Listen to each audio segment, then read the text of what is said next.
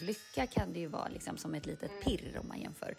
Euforin är ju en hel fysisk upplevelse. Eh, Hälften av mina intressen håller inte kvar.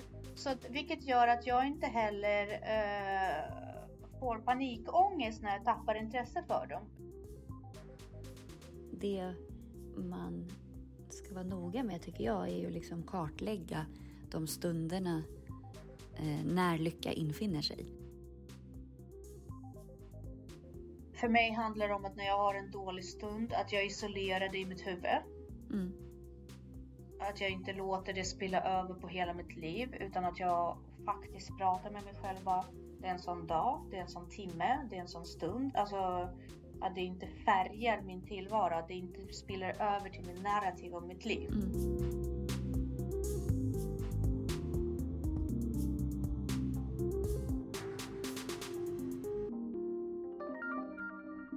Hej! Hej Jessica! Hur är det? Det är bra. Det är sommar fortfarande. Jag tycker det är, Ja. till skillnad från alla andra människor, tycker jag är asskönt att slippa värmen. Ja, alltså ursäkta, men vilka är de här människorna som gillar när det är över 25 grader? Alltså jag vet inte, min pojkvän är ju en av dem. Han, eh, han var ju, han älskade ju när det var 36 grader i Frankrike. Jag håller på att svimma av, jag håller på att dö. Jag, jag gick under, liksom min, min hjärna slutade funka och han bara, nej men det är så det ska vara, det är jätteskönt och det är väl bara, jag bara, men du, du, du nu är du på semester. Föreställ dig att människor som bor här, de måste ändå prestera Mm. och jobba i det här. Liksom, förstår det. Gå Varför till... tror du att de sover middag hela tiden? Ja men exakt, det går ju inte. Och sen så blir det alltid så här tjafs om man ska ha airconditioning, det kostar pengar. Liksom, det är en sån Mm. jävla avvägning av allting. Så jag tycker att det här vädret är asskönt. Och sen vet du vad som är mer skönt med det här vädret? Det är ingen som vill gå till stranden. Ah, Ingen vill bada och sola och det tycker jag är ganska skönt. Därför att eh, det tar ju bort den här stressen av att jag får ju väldigt mycket FOMO. Mm. När alla är så här, nu ska vi sola, mm. ska bli bruna. Gud. Och då får jag så här FOMO om jag inte gör det. Och jag oj. tycker det är så, alltså, ja, ja därför att du vet, jag tycker det är ganska skönt. Alltså hade sola kommit på köpet när jag satt och gjorde annat Mm. så är det ingenting annat. Nej. Men att bara ligga och sola, det är en jävla press. Alltså jag kan göra det på, i, i trädgården Mm. kanske, alltså då, men då men då gör jag någonting i trädgården. Alltså Ja. jag planterar eller någonting sånt där, eller plockar ogräs. Men bara ligga och tappa tid. Alltså, åh. Nej, det går bort. Nej, det har jag slutat med. För jag har nog aldrig varit på stranden med mina barn. Kanske någon gång med, jo någon gång när Ludvig var liten och någon gång med Hugo. Men alltså jag har inte varit på en strand på typ åtta år, nio, tio år kanske. Ja, det, det, ja men det är, det är skönt att det inte bara är du och jag. Men sen så finns det de här människor som gör det jag vet, typ sina pooler hemma. Alltså, dels är bara vetskapen om att folk har skaffat sig en pool för att sola och bada hemma. Ja. Eh, gör mig frustrerad.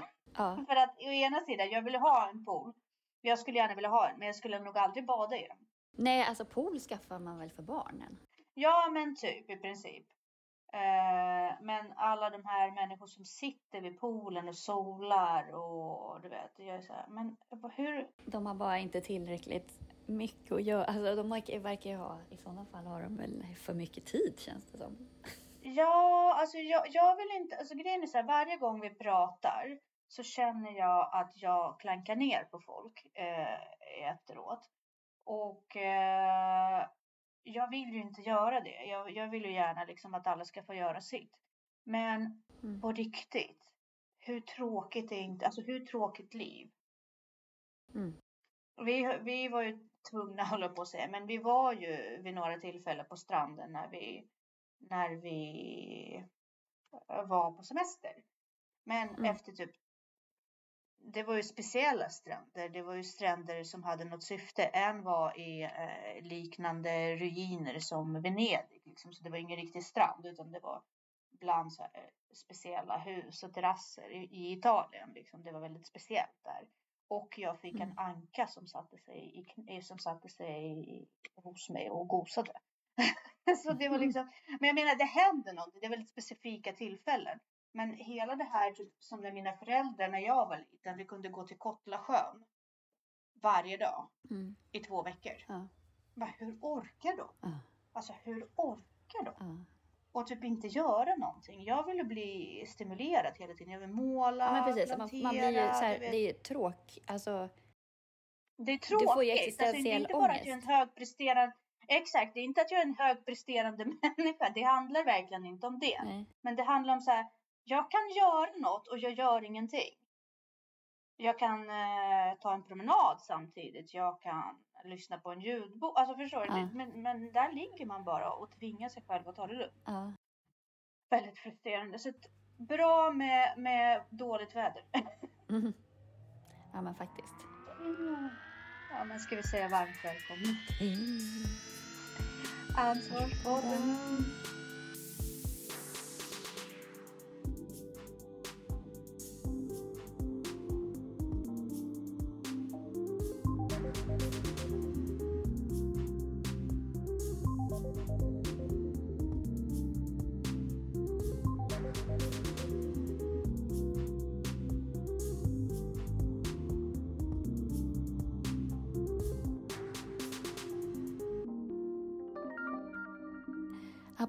Du tråkigt. föreslog ju fantastiskt tema. Ja, precis. Apropå tråkigt föreslog du fantastiskt tema.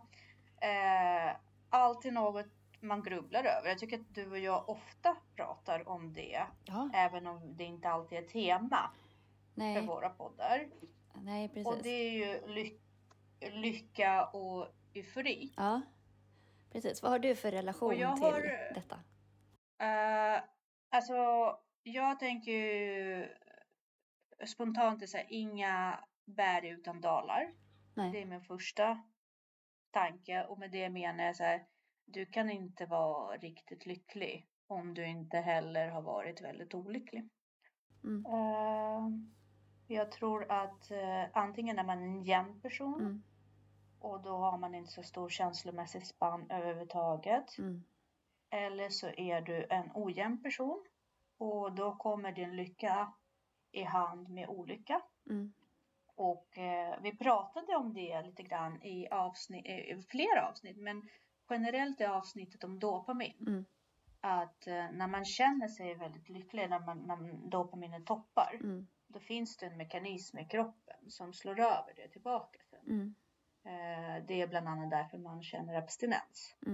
Därför att man, man vill ha en upplevelse av dopamin igen och i och med att man inte får det kanske så slår man över till olycka och kroppen Mm. liksom hamnar i en läge av ja, besvärande känslor. Så att, eh, och det har ju också vi avhandlat ganska mycket om angående huruvida vi är eller icke är bipolära. Mm. Eh, har vi haft. Och där, alltså jag kan fortfarande säga att jag jag får väldigt mycket lycka och olycka. Men på månadliga baser, alltså jag har ju fortfarande, jag är väldigt beroende av min menscykel. Jag är ju alltså där Mm. har jag stor svaghet. Mm. Att eh, jag blir väldigt olycklig Mm. precis innan mens. Lider av PMS och sådär. Mm. Själv då? Nej, men alltså, jag tänker ju på både lycka och eufori då, då, som är en starkare variant av lycka. Alltså jag tänker på att det är som så här, kemiska processer. Mm. Alltså just också eh, kopplat till alltså, droger och Mm. vad en drog gör med hjärnan och Mm. hur man gör det själv. Eh, Mm. Och hur liksom att, att det vi uppfattar är bara en uppfattning. Eh, så att, Mm. alltså det, det som känns med så här, alltså euforin är ju en ren fysisk känsla också. Lycka kan det ju vara liksom som ett Mm. litet pirr om man jämför. Euforin är ju en Mm. hel fysisk upplevelse. Mm. Alltså där du nästan inte kan kontrollera ehm, Mm. Alltså kan typ inte vara still och du kan liksom inte... Alltså den tar ju över kroppen på ett annat sätt och det känns ju alltså i, som känns på samma sätt Ja. som smärta eller som kyla eller som, alltså den känns ju i kroppen medan Precis. lyckan är mer bara en upplevelse, tänker jag. Mm. Ehm, men ja, just det där eh, hur... Jag tänker ju väldigt, väldigt mycket på kroppen i och för sig som en kemisk fabrik. Så att liksom känslor är inte... Alltså, de är ju värderingsfria, eller vad man ska säga. Att, att det, bara, det kan ju vara mer det, något du drabbas av. Men så på samma sätt som du drabbas av kyla eller värme. Men du kan ju också kontrollera det och göra någonting åt det. Eh, och Ja, eh, ja men eh, fortsätt du. Jag är intresserad, eh, väldigt intresserad av vart du är på väg. Nej, nej, men jag tänker också så här, just lycka är ju egentligen, tänker jag, eh, struktur. Egentligen. Mm. Sen så, alltså i själva liksom, när du har klart för dig ditt varför och att du Mm. har klart för dig verktygen och du Mm. har ett flow. Det känns Mm. lätt. Sen så är man ju kanske oftast inte medveten om det utan man, man bara är lycklig för att man befinner sig i struktur, tänker jag. Eh, Mm. Mm. men- Eller jag vet inte, det är bara en, en teori. För har, har du upplevt lycka någon gång i fullständig kaos? Ja, gud, det gör jag. Ofta innan typ skolavslutningar, Ja. tänker jag. Och ofta innan jul. Ja. Därför då är man så himla upptagen med allting. Och man är stressad på ett sätt. Eh, men å andra sidan så är man också liksom på något sätt inte bunden till någonting för allt är så himla blurry. Förstår du vad jag menar? Mm. Det finns liksom ingen ansvarsutövande för alla säger ah, ja, det är ändå jul snart. Förstår du? Och gud vad spännande, för det där är ju typ min, min värsta olycka. Typ. Eller nej men alltså så här, det är min mardröm. Alltså jag mår så dåligt i just det där när det börjar luckras upp och är på väg mot slutet och det är bara ingenting, Mm. ingen mening med saker. Nej, och jag håller med, det är ingen mening med saker, men på något sätt är det också så här befriande på något sätt. För man behöver inte, på, alltså det, det är inte så jävla, på så jävla stort allvar heller. Jag, jag tycker jag blir trött. Jag blir trött på de stunder, därför att jag tycker inte att det är någon form av meningsfull lycka. Men om man, om man liksom, om jag finner mig själv, för det här är också en grej som jag tänkte komma in på. Om jag accepterar det, Mm. då kan jag bara liksom, okej, det är en sån period och liksom finna mig i en sån period och bara släppa taget, ta bort mina förväntningar. Mm. För jag har haft väldigt mycket förväntningar ihop med jul och sådär. Och bara, nej, men det viktiga är faktiskt att man mår bra och tänker på varandra och släpper de förväntningar. Mm. Och bara, ja men det är en sån stund. Då, då kan jag faktiskt vara lycklig. Mm. Men, eh, men om jag är för fokuserad på att ja, men det här måste hända, det här måste hända, Mm. då, då man måste ändra sin mindset. Mm. Jag tror att man måste ändra sin och jobba väldigt mycket med sin mindset, Mm. tror jag överlag, Mm. eh, vad gäller lycka. Mm. Eh, struktur är jätteskönt, men också märker du någon gång att när allt är strukturerat och du är på väg till ditt mål Mm. så blir det också så jävla tråkigt. Nej, eh, för att när det är så strukturerat då är det så Mm. tjåkat också så att jag hinner inte. Då, bara, då Mm. går jag på autopilot. Och jag, Ja. jag mår ju som bäst när jag är lite stressad. Alltså när det är liksom bara lite, lite, lite, lite för mycket. Ja, jo men, Men- så, det, det, det ja. Men det kanske är för att, men klarar du det i längden? ja, då mår jag som bäst. Eh, men däremot är det inte tjåkat, då absolut, då blir jag uttråkad. Mm. Alltså jag tjåkar, det här har vi pratat om förut, jag tjåkar ju Mm. för att slippa eh, känna efter. Ångesten. Ja, men precis. För att slippa Mm. få den här uttråkningsångesten. Ja, jag har nog varit eh, inte riktigt ärlig med mig själv kan jag, tänk, eh, kan jag liksom påstå nu så här i efterhand. Jag måste ha mer luft i schemat. Och anledningen till varför jag måste ha luft i schemat det är för att när jag är så där så blir inte, jag slutar vara inspirerad. Tröttheten Mm, ja. på något sätt samlar på sig och kickar in Ja, och jag slutar vara inspirerad. Mm, det är och sant. inspiration. Ja. Att kreativiteten försvinner. Ja, ja. Och det, det är en väldigt stor del av min eh, personlighet och, och vägen till min lycka. Mm. Jag är ju väldigt lycklig och alltså så här, euforisk kanske inte jag är varje gång. Nej, gud, det är väldigt sällan. Men jag är på väg, nej, men på väg, alltså det är väl där mellan lycka och eufori där jag hamnar när jag är inspirerad. Vad det är, det är ju att jag är förväntansfull inför ny projekt. Ja, men det är det där projektjunkien Eller något sånt. Ja, som går precis. igång på Men- nystart. Ja, ja men precis. Och eh, även om... Eh, eh, ja, precis. Och det är den här känslan innan nytt intresse blir en chore. Alltså en... eh, vad- är det det heter? på Mm. Svenska chore. Eh, alltså, vad heter det? Syssla liksom. Nej men liksom precis att det, det, du måste någonting du måste göra. Mm.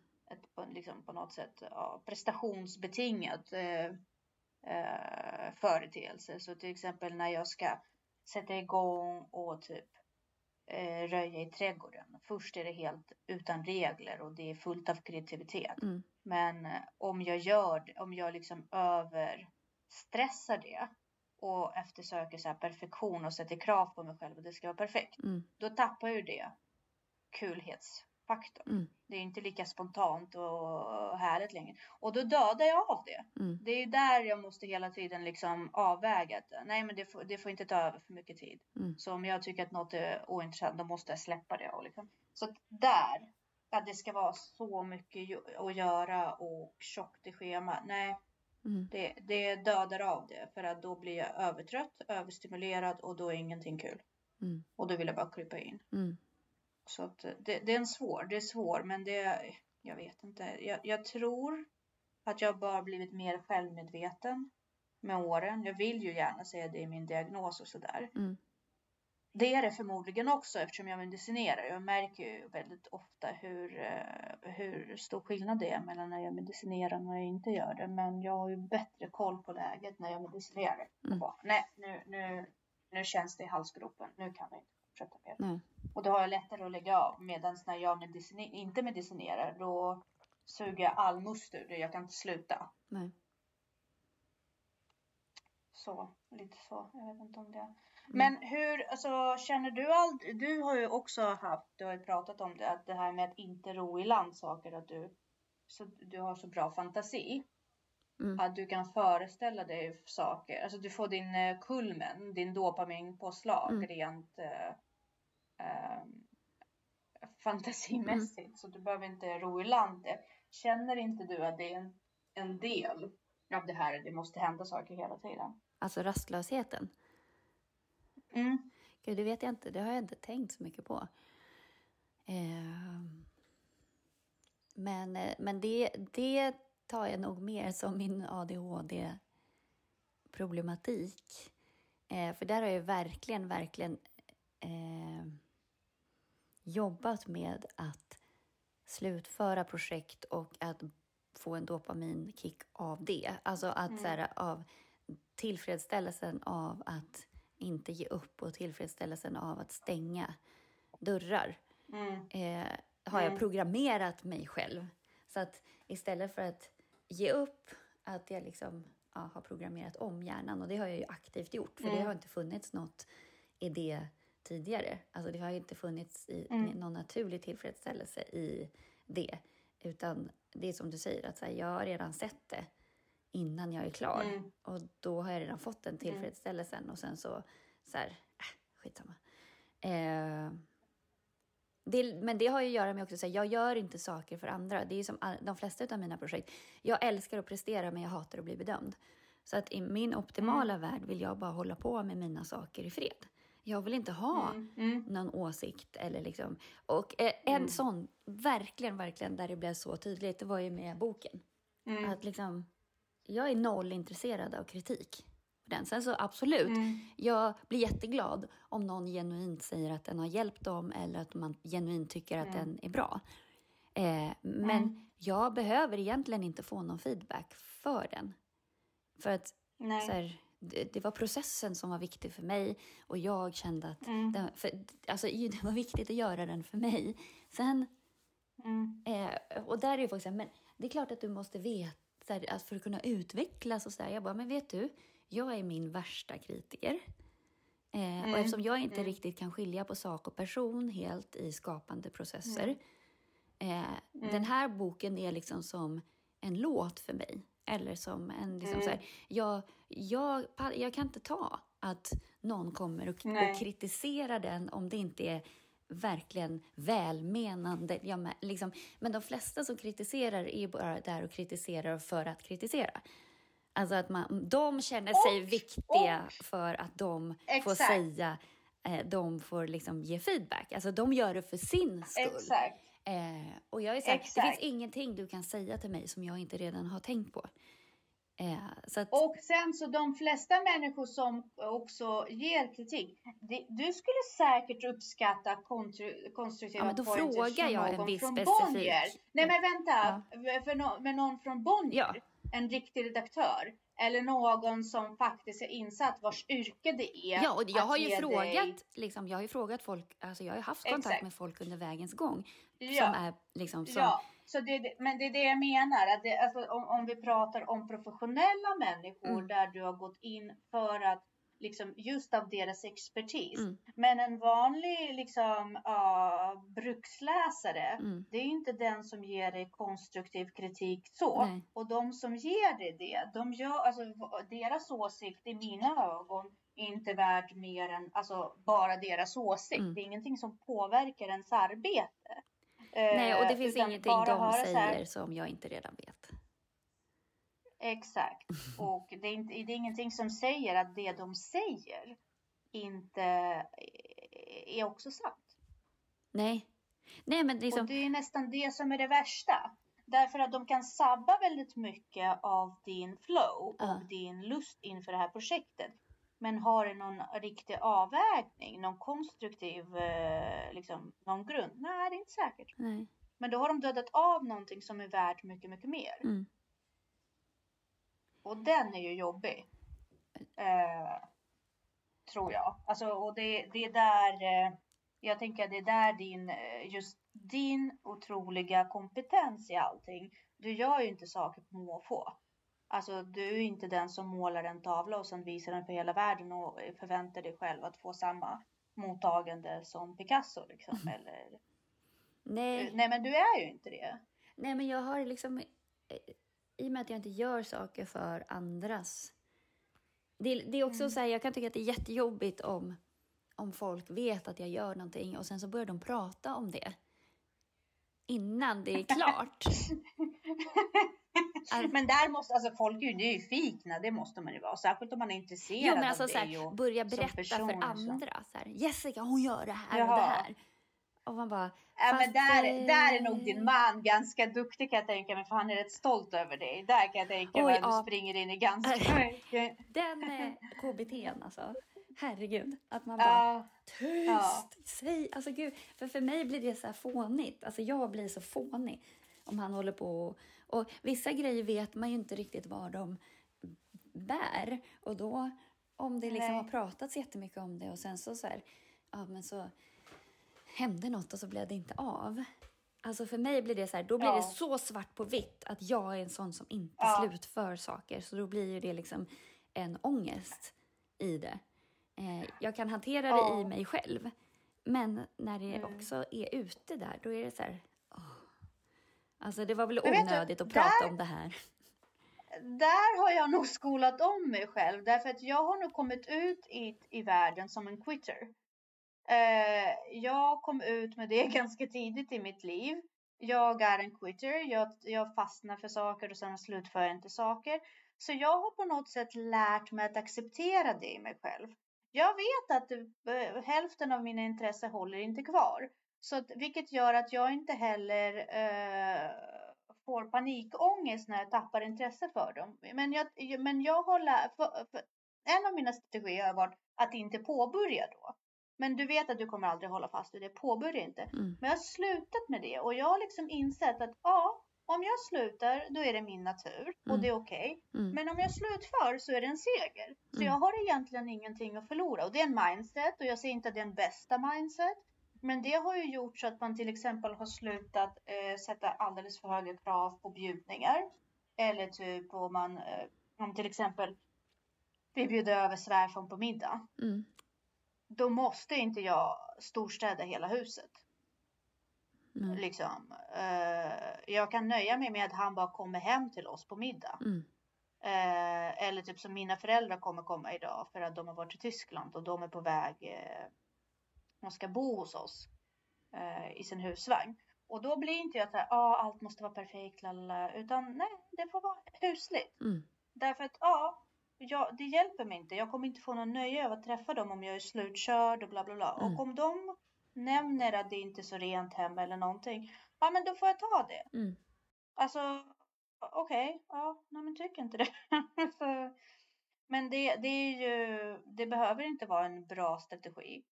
Men eh, jag känner så här, ja, det är min resa. Alltså, jag, det är någonting som jag ska bära på och om det är en del av min personlighet, då, då kan inte jag hålla tillbaka och inte påbörja projekt eller förvänta mig att jag ska avsluta varje projekt bara för att du vet, mitt rykte står på spel. Skitsamma, alltså jag har Mm. människor som älskar mig som måste säga svårare när jag har mina downs. Alltså jag, jag är inte så att ease med mig själv, du vet. Mm. Men, men det är dit jag försöker komma därför att annars kommer jag bara inte vilja börja saker. Mm. Precis. Ja, men man får ju släppa Det är det. supersvårt. Ehm, Men, men det här med lycka då, alltså att, att skapa lycka för sig Mm. själv om man då vill liksom påverka den här cocktailen av kemiska substanser som det egentligen är. Eh, Mm. Och frågan är om eufori är det att eftersträva, för eufori tar ju väldigt mycket energi. Det är ju en Och form, krafter. ja, men precis, det är ju en form av mani. Mm. Eh, Mm. Och Precis. det är ju som någon överenergi som är fantastisk. Mm. Eh, men jag tror inte att det är ett naturligt tillstånd som alla kan uppnå. Nej, men det är ju en kemisk cocktail som är blandning mellan, eh, vad är det, dopamin, eh, oxytocin, eh, endorfin. Mm, Och alla de är ju skapta till att stimulera oss till att eh, eh, sträva efter någonting. mm, Eh, så att någonting saknas ju eller någonting är eh, biologiskt betingad Mm. som vi måste eftersträva. Det är ju ingen naturligt tillstånd. nej. Och allting som händer i kroppen pekar också på att det här är ingen tillstånd som är som bör eller är skapt till att vara långvarig. Mm, Så att eh, nej, jag tror inte att eufori i längden är superbra. Och sen så, jag vet inte hur det är med dina euforiska påslag. För mig följer de ju väldigt mycket med, med väldigt mycket trötthet. ja, Jag finner mig Tvärtom. otroligt trött eh, efteråt. ja, ja, men precis. Ja, alltså de, går, de kräver ju energi för att komma in i. Jag kommer ju Mm. aldrig in i dem om jag är trött. Då är det snarare Mm, tvärtom. Då får jag ju eh, dysfori när jag är trött. Mm. Eh, ja, men jag kan säga har jag befunnit mig i eufori en stund Mm, efteråt Mm. så, så kraschar jag ofta. mm, Alltså, det, det slutar ju ofta med att jag ja, så kan vara hemma, Mm. Har sjukskrivit mig, varit hemma och sov, bara sovit och du vet inte så här, orkat. mm, Eh, varit trött. mm, Så att eh, för mig är det ju ingenting jag eftersträvar. mm. Eh, däremot en känsla av tillfredsställ tillfredsställelse. Mm. Vad säger du om det? Gentemot. Jo, men alltså lycka handlar ju egentligen om, återigen, jag tänker ju på KASAM. När, Mm. när liksom du har meningsfullhet, hanterbarhet och begriplighet. Eh, och Mm. eh, bra nivåer mellan dem. Mm. Mm. Eh, då uppstår ju lycka. Så det är ju någon form av harmoni. Eh, Mm. Men det man ska vara noga med, tycker jag, är ju liksom kartlägga de stunderna eh, när lycka infinner sig. Alltså, vad, vad är det som triggar en då? Liksom att, att, eh, på samma sätt som, som triggar ångest, så att man kan förutse Mm. det. På samma sätt som man tränar, liksom. man har ett träningsprogram för att uppnå vissa grejer så Mm. måste man liksom anordna sin vardag så att man inte blir utbränd eller övertränad eller uttråkad. Eller att det liksom måste finnas en, ett, en tillströmning En av, progression liksom, Ja. en rimlig, rimlig progression. och en bra näring, eller liksom näringstillförsel hela tiden. Eh, för det är också det här Mm. liksom, att äta fel saker. Att, alltså det är så mycket i Mm. den här kemiska Det fabriken som måste vara i balans. Det är ju det. Det är en hel eh, drös av saker som, som behöver balanseras ut och där eh, där har ju du lärt mig eh, till exempel att eh, planera i förväg. Mm. Till exempel om jag känner att mitt liv är tråkigt, att jag inte bara du vet, klagar över det eller någonting utan att jag har ett schema där jag säger ja ah, nu är det bra att sätta och boka lite event. Mm. Och liksom hela tiden verkställa mot den här lyckan. Mm. Så även om man har sina dalar och toppar så har man någonting som är inbyggt i systemet som är någon form av pick me up-program på något sätt. Mm. Så att man hela tiden eh, flyter med det här. Mm. Det är ju en viktig sak. Och sen tror jag att jobba väldigt mycket med mindset. Mm. Alltså den tror jag är superviktig. Mm. Att eh, för mig handlar det om att när jag har en dålig stund att jag isolerar det i mitt huvud. Mm. Att jag inte låter det spilla över på hela mitt liv utan att jag faktiskt pratar med mig själv. Det är en sån dag, det är en sån timme, det är en sån stund. Alltså att det inte färgar min tillvaro, att det inte spiller över till min narrativ om mitt liv. Mm. Det hände väldigt mycket förut. Mm. Det var nog en av orsakerna till varför jag ofta mådde väldigt dåligt. Att de dåliga stunder spillde över till hela mitt livs narrativ. Mm. Och det tror jag är en jätteviktig byggsten. Mm. Att inte tappa just för lycka. Att ens mindset ska hela tiden stå på sin vakt. Särskilt om man är benägen att dippa. Mm. Precis. Och okej, ja, livet är långt. Det här hände. Nu går vi vidare. Eller ja, det var inte perfekt, men det hände. Så vi, och, och liksom hela tiden vara där och inte låta det spira över och bli större än vad det är. Så Nej. man inte börjar älta Mm. Ja, men och precis. sig. Och ta fram sin verktygslåda med vad som liksom eh, håller kvar en. Mm. Och också det här med lycka, att liksom på något sätt när du är lycklig, att du projicerar eller liksom skapar en tillhörighet med andra saker. Att du liksom befäster. Eh, så att typ Mm. lyssna på musik eller gör en viss grej som befästs. Alltså en, en handgriplig sak, befäst ett Mm. verktyg med känslan. Så att när du behöver den så kan du plocka fram det genom att lyssna på den musiken eller gå ut och springa eller vad man nu har. Ehm, Uh, och men också träna minnet att komma ihåg det. Inte bara kroppsligt utan att faktiskt. eh, jag har ju en dagbok och jag brukar alltid dokumentera saker jag gör. mm, särskilt under de stunderna jag känner att nu, nu börjar det bli riktigt jobbigt att leva. Mm. Då brukar jag skriva ner alla bra saker som har hänt eller alla bra saker som jag planerat. Så att jag kan titta på det och bara, det stämmer inte. Min känsla är falsk. mm, Jag är inte olycklig, jag har bara en dipp. mm, Jag är bara trött etc. etc. mm.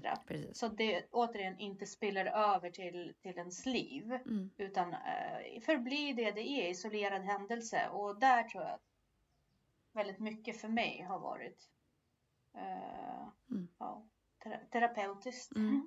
precis. Ja, men spännande. Eufori och lycka borde vi prata om mer, Mm. tycker jag. Mm.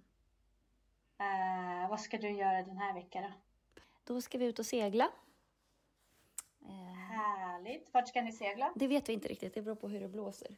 Men eh, antingen ner mot Nynäshamn och Gotland eller upp mot eh, Kapellskär och eh, Mariehamn kanske. Får se. Härligt. Men du, Mm. vart, vem är det, vilka är det som ska?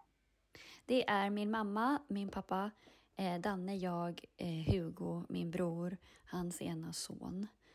Eh, och sen eventuellt så hakar min brors sambo och den andra sonen på ett dygn och sen så förhoppningsvis kommer Markus med i ett par, tre dygn.